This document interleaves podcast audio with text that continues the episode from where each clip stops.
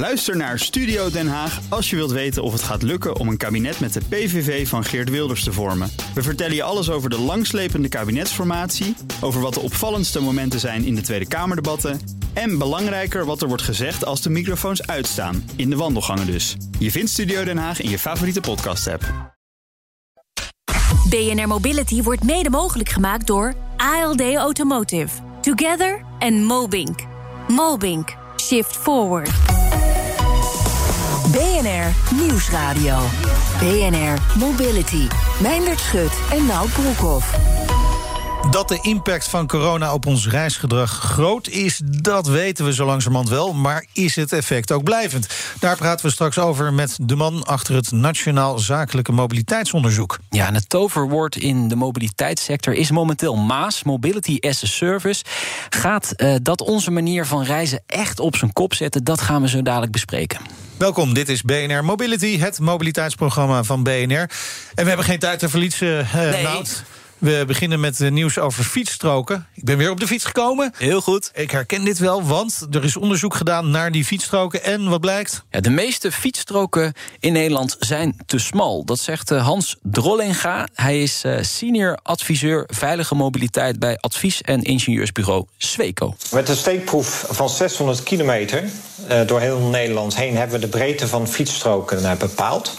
Hieruit uh, hebben we vastgesteld dat in 60% van de gevallen die fietsstrook te smal is. En in ja, contrast met het feit dat de rijloper eigenlijk nooit te smal is. Dus de rijloper het stuk uh, zwart asfalt waar de auto's rijden. En dat is potentieel gevaarlijk, omdat dat leidt tot hoge snelheden van auto's en dat ze daarbij fietsers raken. Ja, auto's krijgen dus nog ruim baan, fietsers waren tegen niet. Het advies is om fietsstroken op de rijbaan niet smaller te maken dan 1,70 meter. Mm -hmm. Dat is best breed, maar in 60% van de gevallen is dat dus minder. En bij 10% is het zelfs minder dan 1 meter. Ja, maar die meter, dat, dat lijkt me wel echt te smal, hoor. Want uh, dit zijn uh, fietsstroken op de rijbaan. Dus die rode stroken aan de linker en rechterkant van de weg. Uh, er is dus eigenlijk verder geen afscheiding. Alleen die kleur uh, op het asfalt. Um, en auto's mogen ook uh, 50 kilometer per uur daar doorgaans. Dus het snelheidsverschil is ook best behoorlijk. Ja, dan vind ik wel dat je moet vermijden dat auto's te dicht bij de fietsers komen. Want dat zorgt gewoon voor gevaarlijke situaties. Met een fiets ben je sowieso al een stuk kwetsbaarder. En daarom is het advies van Sweco ook. Ons advies is dat de fiets meer ruimte verdient. Idealiter leggen we een vrijliggend fietspad aan. En als het niet anders kan, dan, dan zijn fietsstroken ook een optie. Maar breng ze dan wel op de benodigde breedte. En dat is? Minimaal 1,70 aan beide kanten van de weg. Ja, ik denk wel dat dit over het algemeen fietsstroken zijn die er eerder niet waren. Precies. dat er gewoon geen onderscheid tussen fiets en auto was. Dat, dan moet je uh, juist heel goed kijken, denk ik, naar, naar de weginrichting. Of het wel veilig uh, genoeg is. Ik neem aan dat de overheidsinstanties gewoon weer meeluisteren zoals gewoonlijk. Dat denk ik wel, ja. Zo is dat. Goed, we gaan door met Maas, Mobility as a Service. Onze gast is uh, Maurice Oenk. Hij is directeur van de RET, het Rotterdams vervoersbedrijf. Welkom. Dankjewel. Fijn dat je er bent. Ja. Met de tram gekomen? Nee, dat kan niet. Nee. Vanuit Rotterdam is dat een beetje ver. Ja. ja. je zou die lijn kunnen nemen naar Delft. Maar ja, je kan hier gewoon Haag. met de OV komen hoor. Ja, het station ligt voor de deur. Dus. Nee, precies. Het nieuws van vandaag is dat jullie samen met de NS en HTM de bouw van een landelijk Mobility as a Service platform aan Siemens Mobility gunnen. Dat is een belangrijke nieuwe stap in een proces dat al even gaande is natuurlijk. Wat gaan jullie precies doen? Als je het heel simpel zegt, gaan we een soort uh, stekkerdoosje laten bouwen. Een uh, stekkerdoosje waar aan de ene kant bedrijven die mobiliteit aanbieden. Dat zijn wij natuurlijk zelf ook. Maar dat zijn ook autodeelbedrijven, het fietsdeelbedrijf, et cetera, in kunnen pluggen. En aan de andere kant bedrijven die weer mobiliteit via apps bijvoorbeeld openbaar maken, zullen we maar zeggen. Dus die, die, die de planning doen. Die hebben wij zelf ook, maar er zijn ook andere van. Uh, en de bedoeling is dat je daarmee uh, de reis van deur tot deur echt kan faciliteren. Waar je nu, als je moet plannen, ga je eerst kijken naar: oké, okay, uh, kan ik uh, met mijn eigen fiets naar het station bijvoorbeeld? Dat doe ik vaak. Dan pak je een stuk trein, dan pak je een stuk metro. En dan, nou, dan kan je die hele reis in één keer kun je zien. Want je ziet al die mobiliteit is dan aangeschakeld via dat stekkerdoosje. En dan zie je dus ook wat de snelste manier van reizen kan zijn, bijvoorbeeld. Ja, dus ja. dan kan je kiezen: ga ik met het OV? Of pak ik een deelauto? Kijk, als je, waar het voor bedoeld is, is dat je de afweging maakt: ga ik met mijn eigen auto? Of is er een alternatief? En dat willen we op die manier mogelijk maken. Nou, dat was er niet. Daar zijn we al aan pogingen toe. Maar dat stekkerdoosje ontbrak eigenlijk om dat goed te kunnen doen. En dat hebben we besloten om te gaan uh, laten bouwen. Ja, precies. Want de markt is ook bezig met Maas-pilots, om zo te zeggen. Dat zijn er zeven. Maar dit is volgens jullie dus echt iets anders dan wat andere partijen op dit moment aan het doen zijn. Ja, wat wij proberen is iets landelijks neer te zetten. Dus uh, die Maas-pilots zijn natuurlijk veel regionaal ingesteld. Dan zijn de regionale partijen wel weer verbonden. Moet je daar iets voor maken? Wat wij nu maken is een B2B uh, eh, stekkerdoosje. Dus de, de, de, eind, de consument zeg maar, komt niet, uh, is geen klant van dat stekkerdoosje. Maar het zijn die twee, die twee soorten partijen aan de boven- en aan de onderkant. En die bieden dat uiteindelijk weer aan de consument aan. En dat is er nu niet. Dat uh, zien wij nu zelf ook. Bij RET hebben we een aantal deelmobiliteitsaanbieders in onze app zitten. Het boeken en betalen moet je dan weer via de app van die, van die, van die andere partij. Dus dan blijf je de hele tijd tussen apps schakelen. En wat we proberen te gaan faciliteren, en ik denk dat dat gaat lukken, is dat dat straks door dit stekkerdoosje makkelijker wordt. Ja, maar dat is wel interessant, hè? want je hebt het over die apps, ook jullie eigen apps. Uh, gezamenlijk de NS, HTM en RET hebben al zeven apps. Je wordt doodgegooid met de apps. En dan komt er nog weer eentje bij. Nou, dit is niet een app. Hè. Dat stekkerdoosje moet het mogelijk maken om uiteindelijk, of dat nou onze app is of een. Eh, ieder, de consument moet maar kiezen welke app hij wil gaan gebruiken. Maar dat het allemaal in één app uh, te vinden is. En dat gaat dit stekkerdoosje mogelijk maken. Dit is dus niet de app, het is echt het tussenstukje. Ja, en dus marktpartijen mogen zelf met die tussenstukjes een app bouwen, even Zeker. En waarom komt dat initiatief van jullie? Komt de markt daar zelf niet mee? Nou ja, we hebben het de afgelopen jaren uh, gezien en geprobeerd. Uh, we hebben eerst als RET zitten nadenken: moeten wij dat nou gaan maken? Dat leek ons nou niet zo slim om dat nou als regionale partij te doen. Nee, bovendien, het, het, komt ook niet. Ook, ja. Hoe goed zijn jullie daarin natuurlijk? Dat is ook, uh, wat dat betreft, moet, dat de mar moet de markt dat ook maar laten zien. We hebben een aanbesteding gedaan en we zetten een platform in de markt. Wij denken dat dat heel aantrekkelijk is. Wij gaan het in ieder geval gebruiken. Het is open voor anderen. Er zijn open standaarden. Het is allemaal gereguleerd. En laat die partijen maar komen. Maar we, we hebben toch ook nog zoiets als um, 9292 OV. Waarmee je ook kunt plannen uh, en ook e-tickets uh, kunt kopen. En straks ook deelfietsen en deelauto's kunt boeken. Ja, 92 OV is een planningsapp. Ja. Hè, dus daar uh, zie je nu in dat je, hè, daar kan je al je OV in plannen. 9292 OV is ook een bedrijf waar wij natuurlijk mee in gesprek zijn om aan te sluiten hierop. Zodat zij ook al die deelmobiliteit in hun app kunnen stoppen. En zij gaan dus ook weer gebruik maken van jullie oplossing. Ja. Ik vind Maas echt een super interessante ontwikkeling. Maar eigenlijk um, de, de grootste vraag blijft voor mij toch welk probleem ga je er nou mee oplossen? Nou, heel simpel gezegd, ik was uh, twee jaar geleden in Kopenhagen met mijn vader. En dan doe ik, even, doe ik bewust even een, uh, een, een, ander voorbeeld. In Kopenhagen heb je eindeloos veel deelmobiliteit, al veel meer dan in, in Nederland. Hè. En daar is ook OV, je kan ook auto huren, je kan met een taxi. Al die dingen moet je apart, moet je allemaal aparte apps voor hebben. Dus ik wilde met een stepje, dan moest ik weer een app uh, downloaden, moest ik weer mijn creditcardgegevens achterlaten. Dan moest ik weer naar een andere, dan moest ik dat ook weer doen. Het werkt nog niet met elkaar samen. Dat is eigenlijk wat we gezien hebben de afgelopen jaren. Dat daar niet heel veel vooruitgang in is. Wat wij proberen hiermee te doen, is dat tussenstukje faciliteren. Uh, waardoor al die, al die lokale partijen, maar soms ook landelijke partijen, makkelijk ontsloten kunnen worden. Aan de ene kant, hè, je biedt iets aan. Ik heb, een de, ik heb deelfiets in de aanbieding of OV in de aanbieding. Dat kan ik op, die, uh, op dat platform zetten. Aan de andere kant ben ik een partij. Nou ja, je noemde 92, maar ook NS en RET doen dat. Er zijn ook ja. nog andere. Uh, die hebben een planningstool. En dat kun je op die manier bij elkaar gaan brengen. Daardoor wordt het gewoon makkelijker om plannen, boeken en betalen in één keer te doen. Nou, ik denk dat, dat is nu nog heel veel mensen dat wel zullen herkennen. Ik heb ja. zelf ook, denk ik, zes of zeven ja. van dat soort apps op mijn telefoon staan. Ze liever kwijt. Hè, dan, en dat vervangen door één mogelijke app. Maar toch, de vraag: de markt moet dit toch ook zien? Waarom gebeurt dat? Jullie steken er geld in. Hoeveel geld gaat erin? Ja, dat, is, uh, dat, dat zijn geen enorme bedragen hoor. Dat is een, okay. dat is een platform bouwen. Uh, dan moet je aan, aan tonnen denken, niet aan miljoenen. Zo makkelijk? het is ook niet. En het moet wel onderhouden worden. Hè? Dus ja, je steekt er tonnen in om het, ja. om het op te zetten. En dan moet je het natuurlijk ook onderhouden. Dus het is niet. Dit is geen uh, miljoenen investering. En wij zijn, ja, in principe, we hebben gekeken. Het is er gewoon niet. Dus wij, wij dachten, wij gaan dat maar faciliteren dan. Ja, uiteindelijk gaat het om de kwaliteit natuurlijk. Zeker. Hè? Ja. ja. en, dat je, en dat je kan vertrouwen op de informatie die je krijgt. Het is een, een makelaars, uh, een makeldoosje, hè? meer is het niet. Intermediair. Ja. Ja. En hoe gaan al die partijen daar, daar geld aan verdienen? Nou, de partijen maken zelf hun commerciële afspraken. Dus als ik ja. deelfietsaanbieder ben, bepaal ik zelf mijn tarief. Als ik OV-bedrijf ben, wordt mijn tarief opgelegd door de overheid. Dus dat is allemaal heel helder en duidelijk. En combinaties worden natuurlijk niet door dat, uh, door dat, uh, door, door dat platform gemaakt, maar dat doen partijen zelf. Ja. Dus die bieden aan. Hè, dus als je een, bijvoorbeeld, ik ben RET, ik heb mijn eigen app, ik ga met, ik noem maar wat met, uh, in Rotterdam hebben we natuurlijk de watertaxi. Ja. dat is een, een mooi fenomeen. Hoe krijgen we die watertaxi nou in het systeem? Ik maak met watertaxi een afspraak. Wat voor tarief hanteren jullie? En hoe kunnen we dan voor een bepaalde rit van A naar B, waar jullie in zitten, ja. wat, wat kost dat dan? Nou, dan kun je dat, als je dat helemaal hebt afgesproken, kun je dat aanbieden. En dat doosje zorgt er dan voor dat het ook real-time ja, aangeboden wordt. En dat je dus niet voor die één keer in de tien jaar dat je de watertaxi in Rotterdam neemt, een speciaal app hoeft te downloaden. Oké. Wel heel leuk hoor, trouwens. Ja, zeker, zeker, bij mooi weer. Uit recent onderzoek van ALD Automotive blijkt dat bijna 90% van de Nederlanders nog nooit van Mobility as a Service heeft gehoord. Nou, dan hebben ze nog nooit naar BNR geluisterd. maar is dat erg? Of komen ze. Eh, want Maas is ook maar een term natuurlijk. Hè? Ze moeten gewoon in de praktijk ermee aan. Dat is het. Dat is het. Volgens mij, dus Maas is ook al een beetje een buzzword geworden. Wij hopen dat als in het najaar dat platform er staat en hopelijk er heel veel partijen aansluiten aan beide kanten, uh, dat welke app je dan ook kiest, dat, dat, dat het gewoon werkt. En dat mensen zien, hé, hey, dit is, dit is uh, makkelijk, dit ga ik vaker gebruiken. Dat brengt ons bij. Het mobiliteitsvraagstuk van de week.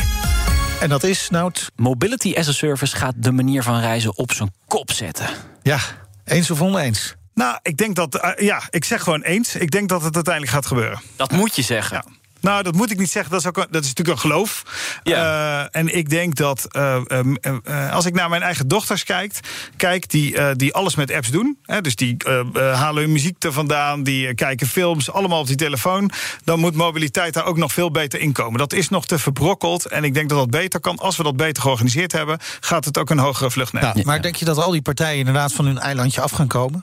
Want dat is toch wat je nu op dit moment nog wel ziet, hè? Ze ja. zitten allemaal op hun eigen eilandje, ja. op hun eigen data. Nou, die data blijft ook bij hun, hè? Dus dat, dat doosje gaat niet de data uh, nee. afpakken. Dus uh, dat is denk ik het mooie van, dit, uh, van deze stekkerdoos. Dat je de baas blijft in eigen huis, maar dat het wel mogelijk is om je huis verder open te zetten. Uiteindelijk moet je daar als reiziger eigenlijk helemaal niks van merken, natuurlijk. We hadden het net van, ja, Maas niet bekend bij de reizigers, maar dat, dat hoeft ook niet als het maar gewoon werkt in je app. En dan, dan, dan kom je sneller van A naar B of efficiënter. Het gaat ook niet om Maas. Het gaat om dat mensen van A naar B willen. En dat ze daar uh, alternatieven voor hebben. En dat je zelf kan kiezen welk alternatief bij jou past. Ja, maar dan kun je ook weer afvragen natuurlijk.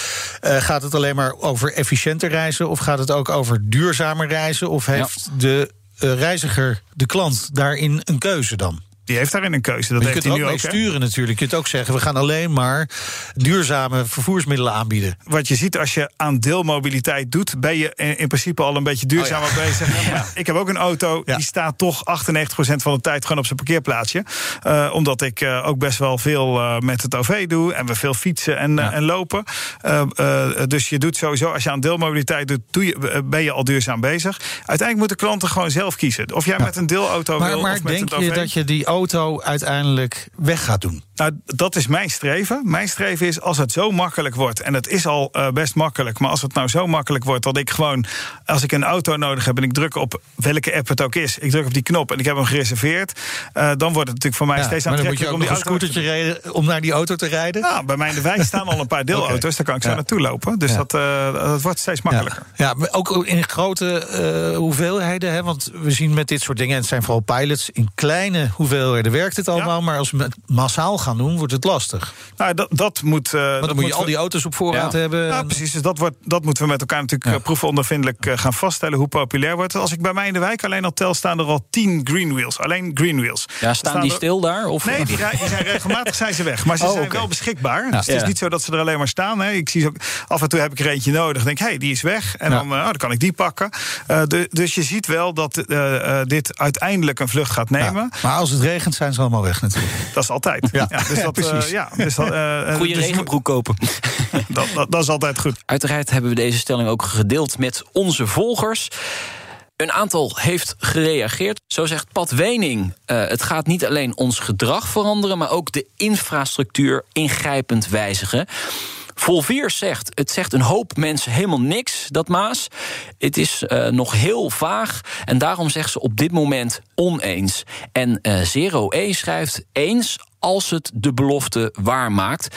Het heeft de meeste kans van slagen in stedelijke omgeving.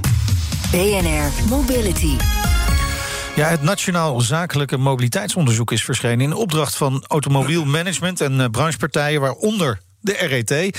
Onderzoeker Erik Fausten van VMS Insight. Welkom bij de, in de uitzending. Dank. Dit was meting 3. Corona heeft natuurlijk impact, hè, dat blijkt ook wel uit het onderzoek. Maar is die nou groter of kleiner geworden? Dat begint met een interessante vraag, want het gaat altijd om de context natuurlijk. En wat is er nou in de wereld gebeurd uh, op basis van waar, waarvan wij zien dat er verschuivingen of veranderingen zijn in die zakelijke mobiliteit. En corona, uh, niet alleen afgelopen jaar, maar ook dit jaar, heeft natuurlijk gewoon echt grote invloed. Hè. En onze eerste meting was in mei, onze tweede meting in september. En de derde meting in november. Op basis daarvan hebben we de eindrapportage gemaakt. Uh, zien we een hele duidelijke verschuiving. Zowel bij bedrijven, want dat is een deel van het onderzoek. En het andere deel gaat uh, om de zakelijke reizigers. Zien we dat uh, bij bedrijven ook de impact die corona heeft op bedrijfsactiviteiten, op de omzet, dat die aan het afnemen is. Hè. En dat ook als men vooruitkijkt het komende half jaar. Uh, is het, het, het vooruitzicht ook een stuk positiever uh, dan dat het verleden was. Dat is een gemiddelde, want per sector zijn natuurlijk hele grote verschillen. Ja, ik heb het onderzoek doorgenomen en het, het laat ook echt zien dat een groot deel van de reizigers en bedrijven een structurele afname van uh, mobiliteitsbehoeften verwacht. Uh, door meer thuiswerken en minder externe afspraken, het, het, het zoomen en teamsen natuurlijk. Um, resulteert dat ook in uh, minder zakelijke kilometers uiteindelijk? Nou, vooral bedrijven die zijn nog wat negatiever over de kilometerontwikkeling dan reizigers zelf. We zien gemiddeld uh, dat er is gezien, is, is, is genoteerd, hè, al die kilometers stelden bij elkaar, dat vorig jaar 31% minder kilometers zijn gemaakt. Dan praat ik over autokilometers dan het jaar ervoor. dat gemiddeld bedrijven verwachten dat ook dit jaar, dus 2021, ten opzichte van 2019, uh, nog een vermindering te zien zal geven van 15% minder. Dus het, het veert weer wat terug. Hè. Het wordt wat positiever, maar we komen nog niet op het niveau van de kilometers van 2019. En wat we ook zien als het over kilometers gaat, is dat vooral de grootste bedrijven, hè, hoe groter bedrijven worden, hoe negatiever men is over uh, het gebruik van niet alleen de auto, maar van vervoer in het algemeen. En het heeft ermee te maken dat uh, hoe groter bedrijven, denk aan de grote corporates, die hebben hele stringente richtlijnen met betrekking tot, uh, tot werken en reizen. Er zijn mensen die op de grote kantoren in de Zuidas echt uh, tien maanden niet op kantoor zijn geweest. Ja. En ook tien maanden uh, geen externe afspraken hebben gehad. En daar, daar heeft men uh, gemeten dat er zelfs tussen de 40 en 50 procent minder autokilometers zijn gemaakt het afgelopen jaar. Zo, dat is wel aanzienlijk. Hè? En welke consequenties heeft dat nou voor het wagenpark? Want uh, je zou denken, minder ritten betekent ook minder auto's. Uh, het betekent in ieder geval minder ritten. Uh, en nogmaals, uh, dat, dat gaat ook zich weer wat positiever ontwikkelen dit jaar. En in een aantal gevallen, en ook hier geldt vooral bij de grote bedrijven, betekent het ook wel een geprognotiseerde afname van het aantal auto's. Wel belangrijk om daarbij te vermelden is dat de, de, de, de, de negatieve impact die dat heeft, he, het, het, het feit dat men verwacht dat het aantal auto's gaat afnemen, die is wel afgenomen op zich. Hè. Dus okay. uh, men is wat minder negatief geworden in okay. de loop van die drie metingen. Ja, dus dat is een positieve ontwikkeling. Maar er gaat dus wel een verschuiving plaatsvinden. En, uh, en naar welke uh, andere vervoersmiddelen dan? Nou, dan zie je een heel groot verschil tussen de zakelijke reizigers. Want ik praat steeds over zakelijke mm -hmm. reizigers die primair gebruik maken van de auto. Ja, die gaan de auto minder gebruiken. En die gaan een heel klein beetje naar de fiets hè, voor de korte afstanden. Maar we zien vooral een grote verschuiving bij de OV-reizigers. De mensen die uh, voor reizen, maar het is ook woon-werkverkeer, primair gebruik maken van het openbaar vervoer. Ja, die zoeken andere wegen. We zien dat van de uh, treinreizigers 75 procent uh, de trein blijft rijden. Maar ook dan vindt er een kleine verschuiving plaats naar auto en een klein beetje naar fiets. Uh, maar er is ook een groep van 25 procent die zegt, ja, mijn hoofdvervoermiddel was altijd de trein. Is het voorlopig niet meer, hè, het komende jaar in ieder geval niet meer. En daar zie je een grote verschuiving naar de auto toe en ook naar de fiets. En als je praat over regionaal vervoer, en het het over RET, hè, dus echt streekvervoer, uh, tram, metro, bus. Daar is ook ongeveer die 75% die zegt dat blijft mijn hoofdvervoermiddel. En die uh, 25% die, die gaat uitwijken naar de auto uh, voor een klein deel, maar die gaat voor een heel groot deel uitwijken naar de fiets. En het heeft gewoon te maken met het feit dat je regionaal natuurlijk ook met de fiets meer kan bereiken. Ja, nou, RT-directeur Maurice Unk, die luistert nog altijd mee, zit hier in de studio. Hoe beoordeel je deze resultaten? Nee, ze zijn wel herkenbaar. Dat is ook wel waar we natuurlijk rekening mee houden. Hè? Dat we, we, wisten dat op het moment dat mensen aan iets anders gewend raken, gaan ze ook andere dingen doen. Nou, dat zie je ook. Uh, drie kwart uh, zegt dus uh, van niet en een kwart zegt van wel. Dat is een, een realiteit die we natuurlijk straks onder ogen gaan zien als we weer een beetje gaan normaliseren. Ja, hopelijk is dat zo rond de zomer. Hè? Wie weet wat er gaat gebeuren. Maar wat is jullie verwachting? Kom, komt de reiziger gewoon weer terug? Nou, niet gewoon, want daarom doen wij ook mee met dit soort onderzoeken. Ja. Dus een, ja. een, belangrijk deel komt wel terug, maar een deel ook niet. Tegelijkertijd groeit, zeker in de Randstad, hè, blijft het groeien. Dus je gaat ook wel weer een deel van de, van de groei die de, de autonome groei gaat ook weer van het OV gebruik maken. Daarom is het onze verwachting dat we wel echt een paar jaar nodig hebben om weer op de cijfers te komen die we uh, begin 2020 uh, zagen. Ja, intussen wordt uw bedrijf natuurlijk ook gewoon uh, geraakt door die coronacrisis. Hoeveel verlies leidt de, de RET daardoor? Nou, we hebben vorig jaar, we zijn met de jaarcijfers van 20 bezig. We hebben vorig jaar 80 miljoen minder reizigersomzet gehad. Dus dat is, dat is heel fors op een omzet van rond de 250 miljoen. Dat is ongeveer een derde. Uh, dus dat gaat heel hard. Daarvan is uh, een kleine 70 miljoen gecompenseerd door het Rijk, door ja. de beschikbaarheidsvergoeding. Dus dat ongeveer 93 tot 95 ja. procent van het verlies wordt vergoed ja. door het Rijk. Precies, ja, niet van het verlies, maar van de kosten. Nee, dus het is, het is andersom gerekend. En, uh, en daardoor houden wij iets van 11, 12 miljoen uh, verlies over in 2020. Dat is dus geweest. Nou, dus dat valt heel erg mee dan. Ja, nou dat voor een bedrijf wat normaal zo'n 4, 5 miljoen winst maakt, ja. hakt dat er aardig in hoor. Nee, natuurlijk, dat geloof ik. Maar, maar op 80 miljoen valt het mee in 2021 hebben we voor een belangrijk deel ook nog die beschikbaarheidsvergoeding. Komen we dus in ongeveer dezelfde uh, cijfers uit. Want wat er aan omzet bij gaat komen, het, het, dus het, die 80 miljoen zal wel wat minder zijn. He, laat het 60 zijn, dat is een mm -hmm. beetje de prognose nu. Uh, krijgen we daar ook weer een deel van vergoed, komen we ook ongeveer weer daarop uit. Maar het is met name natuurlijk spannend voor de jaren 22 en verder. Want we hebben daar nog helemaal geen zicht op. Wat wil onze opdrachtgever, de overheid, uh, met de dienstverlening doen? Hoe snel komen die reizigers terug? En wij hebben een concessie als RET maar dat geldt ook voor NS, die eigenlijk uh, aan de, dus de metro- en uh, tramkant heeft geen subsidie. Dus die moet zichzelf bedruipen. Ja. ja. dat is natuurlijk lastig als die reiziger als 25% bij wijze van spreken nog even niet terug is. Wat moet er dan met die concessie gebeuren? Want ik kan me voorstellen, eigenlijk is jullie operatie gewoon enigszins tot stilstand gekomen. Hè? Of in ieder geval, jullie kunnen ook niet investeren, kan ik me voorstellen. Nee, dat is lastig. Dus wij, ja. wij rijden ongeveer 95% van wat we normaal rijden op dit moment. We zijn ja. iets afgeschaald. Uh, we willen dat natuurlijk weer opschalen. Het is een soort status quo, ja. toch? En je hebt de spullen. Hè? Dus we hebben gewoon metro's en trams. We hebben mensen, uh, die zitten niet echt op de bank... want we kunnen ook met uh, flexibele schil wel iets afschalen. We hebben bussen, we hebben trams, we hebben metro's. We weten dat we over een paar jaar ze ook allemaal weer nodig hebben. Dus we kunnen ze ook niet verkopen of wegdoen... want over een jaar of drie moeten we weer full swing draaien. Dus we, zitten, we hebben een soort paar jaar waarin het aanbod uh, uh, ongeveer hetzelfde is, ja. of misschien iets minder, maar de vraag weer langzaam gaat toenemen naar die 100% En daarover zijn we met, uh, met de overheden in gesprek. Hoe gaan we dat gat dichten? Dat zou kunnen deels door de concessie langer te laten lopen. Bijvoorbeeld. Bijvoorbeeld. Is, is dat, is, wordt daarover gesproken? Nou, dat is een van de dingen die we eerder wel hebben, hebben gebruikt. Hè, dat je aan het eind uh, wat terugverdientijd ja, hebt. Uh, dus op die manier kun je ermee spelen. Het kan ook zijn dat je nog uh, een soort overbruggingssteun krijgt. Wat in 21 dan die beschikbaarheidsvergoeding heet. Dat we in 22 daar nog wat voor verzinnen. En wij gaan zelf natuurlijk ook besparen. Wij, wij hebben inmiddels een besparingsplan liggen. Wat 15 tot 20 miljoen in de la brengt. dus ook wij gaan een forste broekriem aantrekken. zonder dat we. en dingen die we belangrijk vinden, waar we het bijvoorbeeld net over hadden, dat, dat moet daar dan niet ja. te dupe van worden. Want dat is juist weer een sleutel om mensen makkelijker het OV in te krijgen. Ja, want die miljoenen die je dus nu moet ophoesten, haal je dus eigenlijk uit je eigen reserves. Het verlies wat we vorig jaar geleden hebben, dat komt uit onze eigen reserve. Daar hebben we wel van gezegd, dat willen we niet nog een keer. Nee. Dus we gaan niet nog een keer 10, 12 miljoen uit die reserve ja. halen, want zo diep zijn die uh, zakken ook niet. En je weet, reserves staan meestal niet op de bank, hè? Nee. Uh, eigen vermogen. Dus uh, daar staat maar een deel, is daar liquide van. dus daarom hebben we nou een uit, dat uitgebreide besparingsprogramma om voor dit jaar in ieder geval op de nullijn uit te komen. Dat hebben we ook met onze aandeelhouders zo afgesproken. En dan moeten we voor volgend jaar zijn we echt nog druk bezig. Daar wordt gewerkt aan een transitieplan, dat is sectorbreed.